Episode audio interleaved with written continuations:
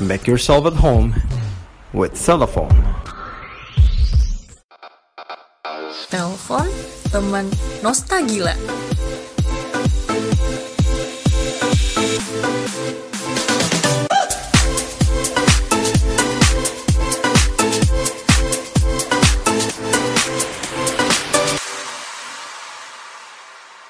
Halo, gue Jenggala. By the way, gak berasa ya, kurang lebih udah setengah tahun kita WFH. Ngomongin soal rasa, terkadang ada aja hal yang kebesit di pikiran. Misalnya nih, tiba-tiba kepikiran doi, atau nostalgia masa lalu yang bikin kepikiran mulu. Awalnya nostalgia ya, tapi jangan sampai loh bikin nostalgia. Entah itu pengalaman manis, pahit, asem, asin, wah pokoknya semuanya itu lumrah dan manusiawi banget untuk dijalani. Setiap orang yang berani menjalin sebuah hubungan dengan seseorang tentu akan menjadikannya sebagai salah satu prioritas. Prioritas bukan berarti selalu menomorsatukan doi dibandingkan hal penting lainnya. Namun memprioritaskan berarti seenggaknya nih menghargai keberadaannya. Tapi pernah nggak sih ngerasa kalau prioritas utama itu ternyata bukan lagi lo? Tentu ada ciri-ciri dan penyebabnya. Tim redaksi telepon merangkum bahwa ada tujuh hal ciri-ciri doi nggak memprioritaskan lo lagi. Yuk, simak!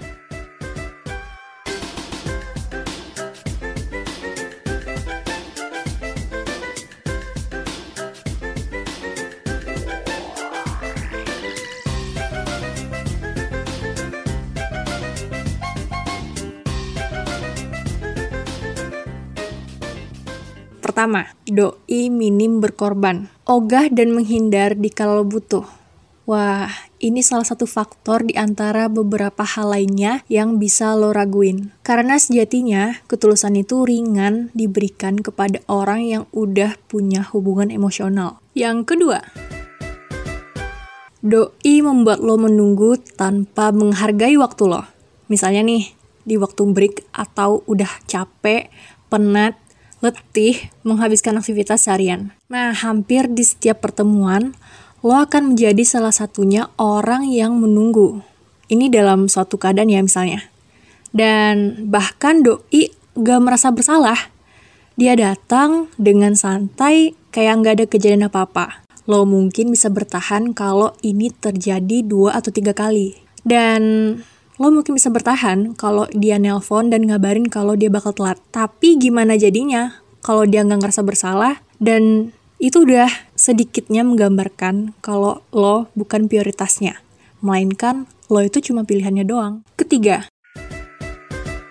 doi hanya akan membalas pesan atau mengangkat telepon lo kalau dia butuh sesuatu. Dia jarang balas pesan, jarang juga mengangkat telepon. Dia cuma akan cepat kalau ngelakuin keduanya jika memerlukan sesuatu. Atau nih, kalau dia pengen lo ngelakuin sesuatu. Dalam sebuah hubungan, tentu komunikasi merupakan hal yang sangat penting.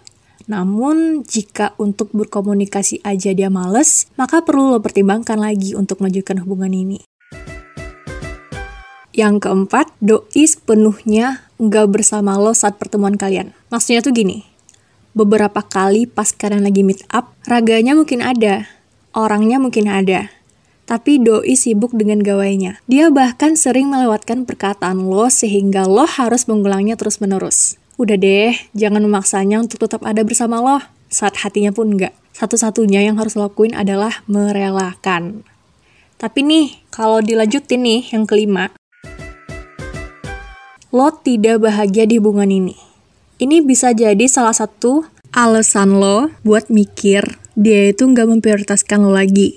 Gimana enggak? berekspektasi doi yang sempurna, yang perlakuannya bak pangeran atau putri. Ternyata itu jauh banget dari realitanya. Lo yang akan merasa tertekan dan tersiksa dalam hubungan ini tanpa pernah speak up, tanpa bicarain dulu gitu. Lo menjadi pihak yang selalu mengalah, diam, dan menerima segala kelakuannya yang enggak semestinya.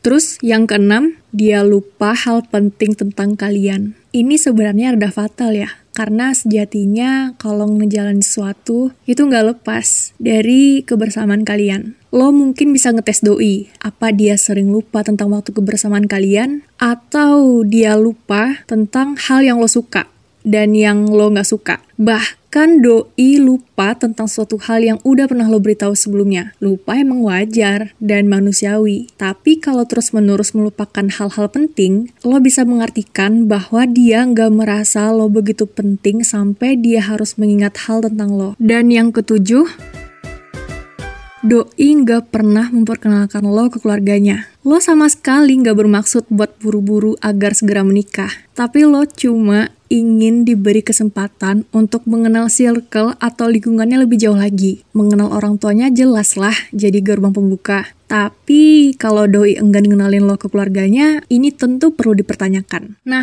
kalau lo udah mengetahui kebenarannya bahwa ternyata lo cuma pilihan dan bukan prioritas, maka jangan menyiksa diri terlalu lama dengan tetap bertahan. Eits, semuanya nggak lepas ya dari introspeksi diri dulu. Itulah tujuh hal yang jadi bahan pertimbangan ternyata doi enggak lagi memprioritaskan lo. Dijadikan pilihan oleh orang yang lo anggap sebagai prioritas memang menyedihkan. Tapi lo pasti bisa menemukan seseorang yang mampu lebih menghargai usaha lo itu. Go move on, lepaskan. Gue Jenggala. Thank you guys for listening. Sampai ketemu di podcast selanjutnya.